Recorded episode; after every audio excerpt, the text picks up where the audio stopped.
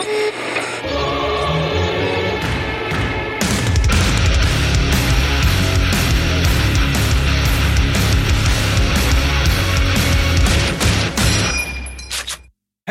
hörni, det här är en sån där, en liten, mm, en liten hors d'oeuvre, en liten förrätt, en liten god, jag älskar de här expressavsnitten. Det här är Mattis, det här vet ju du om för det är du som ska prata, men det här är ju eh, Micke Karlssons alldeles egna expressavsnitt. Jajamän, jajamän. Micke är en sån här underbar människa som har varit Patreon på Gustav II Adolf livvaktsstyrke-nivå i minst sex månader och därför kvalificerar sig för ett expressavsnitt som han då har valt ska handla om vad då? Ja, alltså, det ska, vi ska säga det förut. Be om ursäkt, Mikael. Det var nämligen så att du, du hamnade lite i sto mellan stolarna i vårt dokument. Där vi, alltså, du skulle ha fått det tidigare egentligen. Men nu kommer det i alla fall. Det ska Ja. handla om Eben Emael. Eller, Ja. Jag skulle misstänka att han menar liksom stormningen av Eben Emael där snarare än liksom bara själva fortet i sig. Då. Men, men, Mm. men och det, det ska jag snacka om och det ska bli roligt. Först en shoutout från Mikael. Den är Ja. shoutout till Sebbe.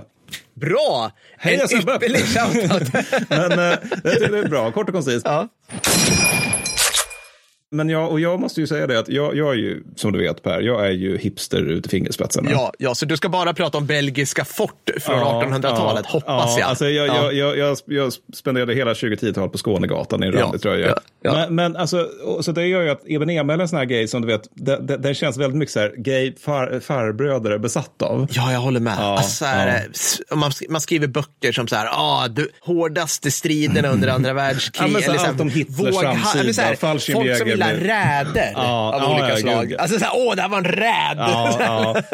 Men, så, så, men, men å andra sidan så in, är, beror, inser jag nu när jag skrev det här manus att det beror på att jag har läst om Eben Emil i bisatser när man beskriver Frankrike-fälttåget. ja, ja, ja, där den förtjänar sin plats. alltså, i en visst. bisats. Och, men nu var jag liksom. tvungen att läsa en avhandling om Eben Emil. Okej, det är tvungen inom situationstecken. Och Ja, det, och det, det leder till att det här blir nog det mest wearaboiga avsnittet vi har gjort. Alltså för Ja, helvete vilken jävla rädd det här var. Men, men bara snabbt då. Fortet. Det heter Eben Emil. Det är döpt efter närliggande by, byarna Ebel och Emael. Mm. Det kontrollerar då broarna över Mös och Albertkanalen. Inte minst via att de kan liksom förstöra sagda broar med sina stora pangar liksom, Ja, som de finns ja. på det här fortet. Och, och det är liksom när man tänker fort så tänker man som att det är som en, liksom, jag vet inte. Du, du, du tänker det kan liksom, kanske liksom någon form av, det är en betonggrej liksom. Men, men det här är liksom fuck huge. Alltså det, Okej. det, det är svinstort med massor med artillerikupoler och så vidare. Ja. Det, är liksom, det är det modernaste av de belgiska gränsforten och det finns en mängd då naturligtvis. Ja. Och anses givetvis av många vara ointagligt. Där har vi det. Det är någonting man aldrig ska säga för att det dyker någon där på stresstesta den tesen. Men får jag, bara,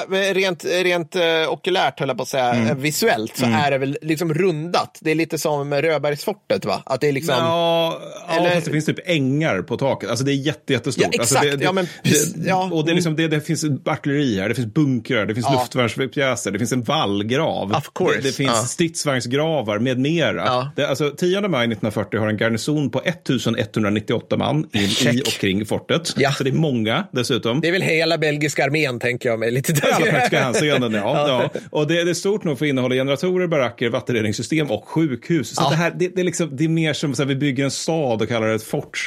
Och det är av intresse för tyskarna eftersom Belgien ses som en bra plats för att anfalla Frankrike.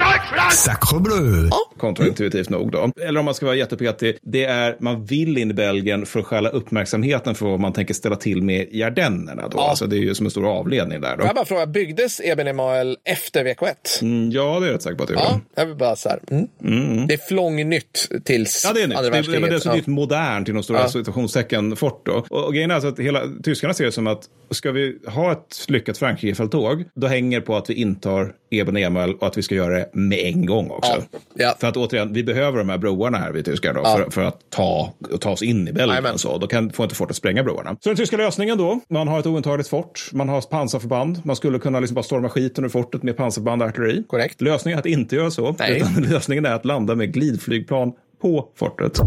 Ja. Vilket alltså, om man bara tänker den tanken till slutet, det är vansinne. Men de bestämmer, det, det är å andra sidan nazister. Så, Vi vill bara vara i fred här och hålla på med vår nazism. Det var kul med tanke på att flygplan uppfanns nyss Mm. och sen flyg, glidflygplan uppfanns för en kvart sen. Ja, alltså, de är typ gjorda av, de är typ gjorda av plywood. Alltså Ja, det, det, ja. det är liksom inte, det, det är inte stresståliga saker. Nej. Och de, de ska då använda, alltså de gillar, tyskarna gillar glidflygplan för att glidflygplan är liksom ett bra sätt att koncentrera många fallskärmsjägare på en punkt. Ja, då. just det. För att om man skickar ut dem med fallskärmar varmare då tenderar man att sprida ut dem också i ett stort område. Alltså läx egentligen Normandie-luftlandsättningarna. Ja. De satte sig Ja. ut över halva jävla Frankrike. Ja, men typ varenda gång någon har släppts med fallskärm så Ja. blir det, alltså det, det är liksom Ja, men man tänker en ofrånkomligt. landsända. Ja. Ja. Och nu ska ju liksom på en punkt. Så. Ja, För fortet ja. är stort, men liksom, om man släpper dem med fallskärm så ja, då är liksom Afrika stort, inte ja.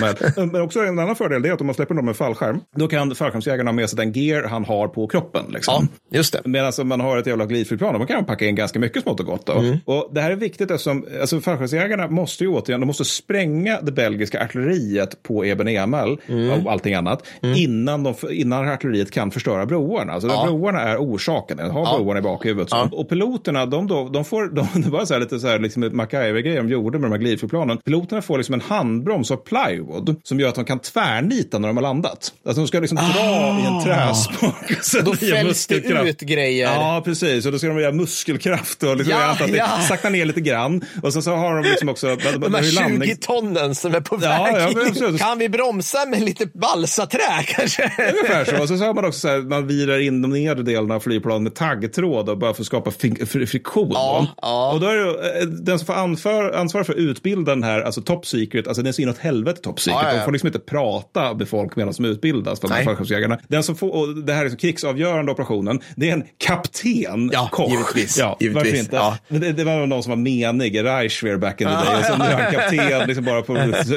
sånt. Han, han ska utbilda troopsen då. Och de här troopsen, de, de, är, så, de är redan fallskärmsjägare. Ja, ja. De är ganska välutbildade. Ja. De får sex månaders specialutbildning Jajamän. för det här uppdraget. Det är jättemycket specialutbildning. Och det här är ju så man ska bete sig inför specialuppdrag Mm. som opera, alltså specialförband håller på med. Det här är ju i st- stor utsträckning en specialförbandsoperation, skulle vi kalla det med dagens mått mätt. Liksom. Jo, men det slår mig nu också. Vi har ju lollat över det här när vi pratade 23 och 25 om, om specialförband under andra världskriget. Där handlade det om sex veckor. Mm. Ja, ja, ja. men alltså för just den här Brittiska operationen.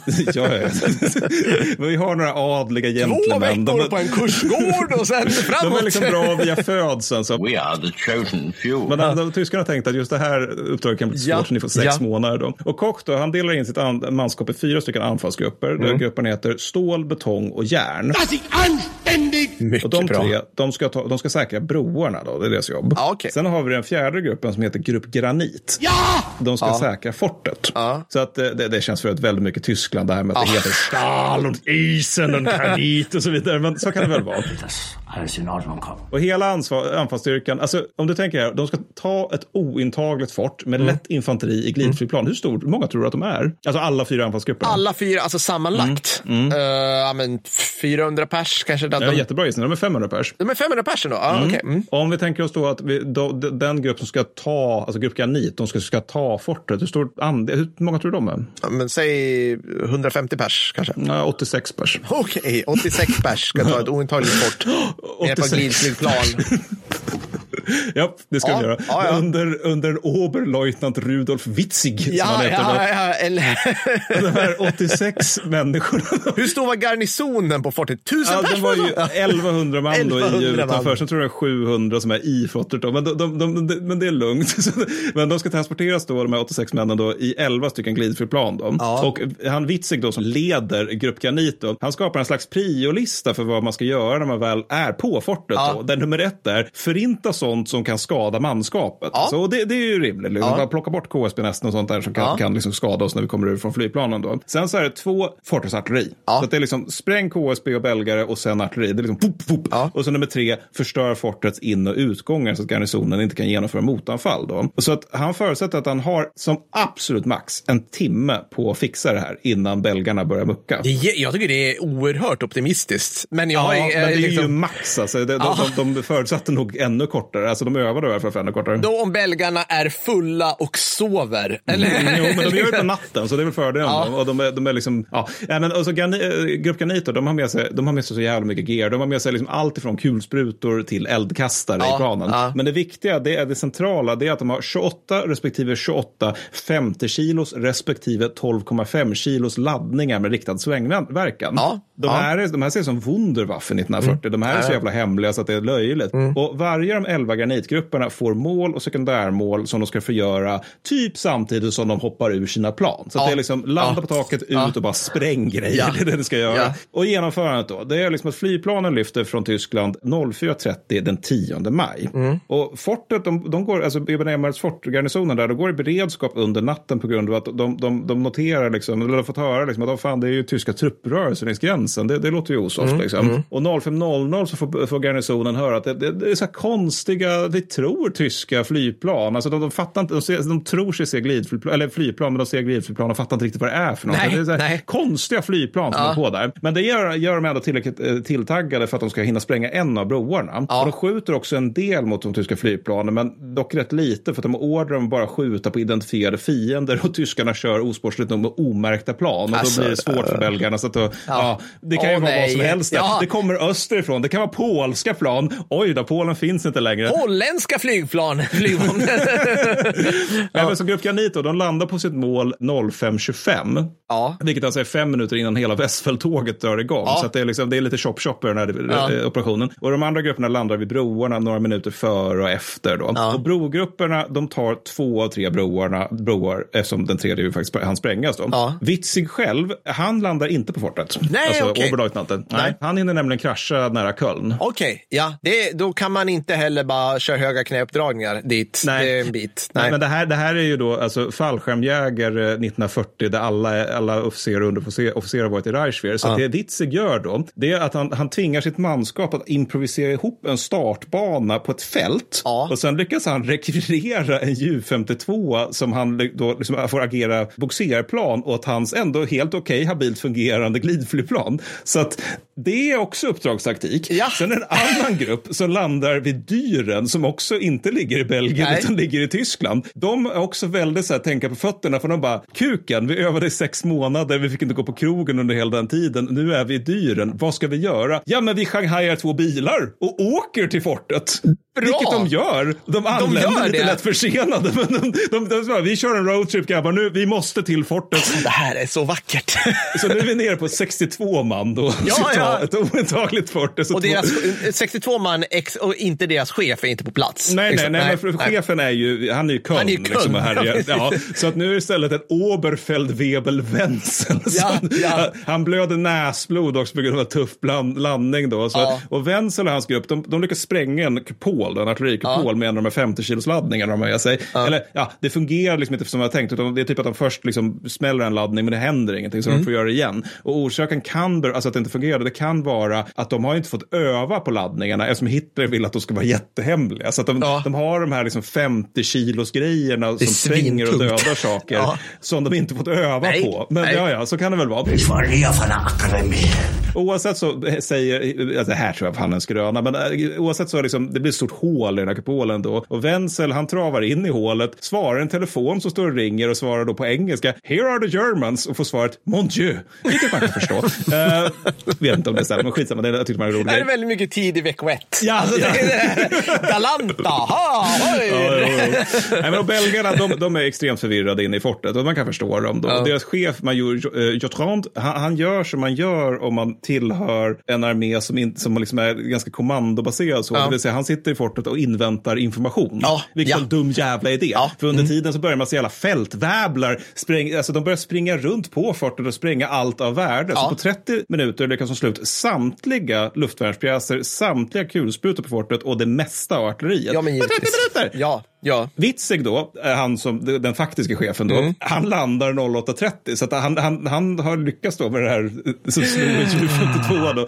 Och vid det laget så är, är det bara en av Portes pjäser som fortfarande skjuter då och därtill med reducerad verkan för Ja. att de lyckas liksom spränga men dödade en del belgare, hade sönder en del men, men den kan fortfarande skjuta lite grann. Det måste ju vara att man har sönder själva kan Alltså det måste vara så... Ja, jag, jag ska inte... Ja. Ja. mm. Ja, ja, men fallskärmsjägarnas uppgift nu, lagom till att Witzig anländer, det är liksom typ se till att belgarna inte tar tillbaks fortet. Ja. Och belgarna, de, de, de börjar nu röra på sig lite grann efter så här timmar av inaktivitet. Så de, de genomför faktiskt motanfall ut ur fortet, Mm. men slås tillbaka på grund av citat brist på infanterivapen och infanteritaktik. Ja, Slutcitat.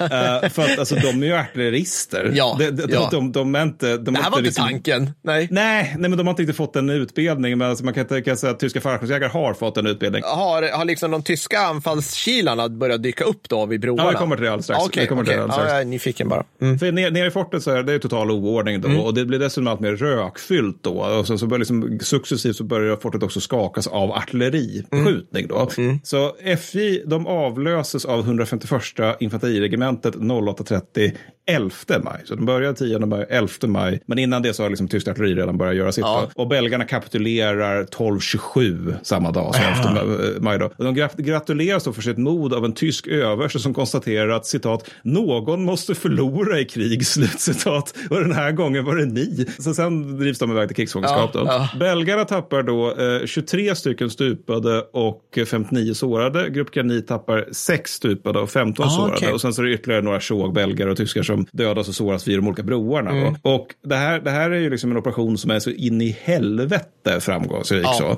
ja. så att alltså, samtliga officerare som var med i Grupp Granit, eller om det var liksom hela operationen faktiskt, men det var, det var definitivt Grupp Granit, de får riddarkors. Ja. Alltså oavsett vad. Ja. Och alla medverkande befordras en grad uppåt. Ja, ja. Utöver en soldat, för han var full. så det var Eben Emel. Det, det, jag måste erkänna den här...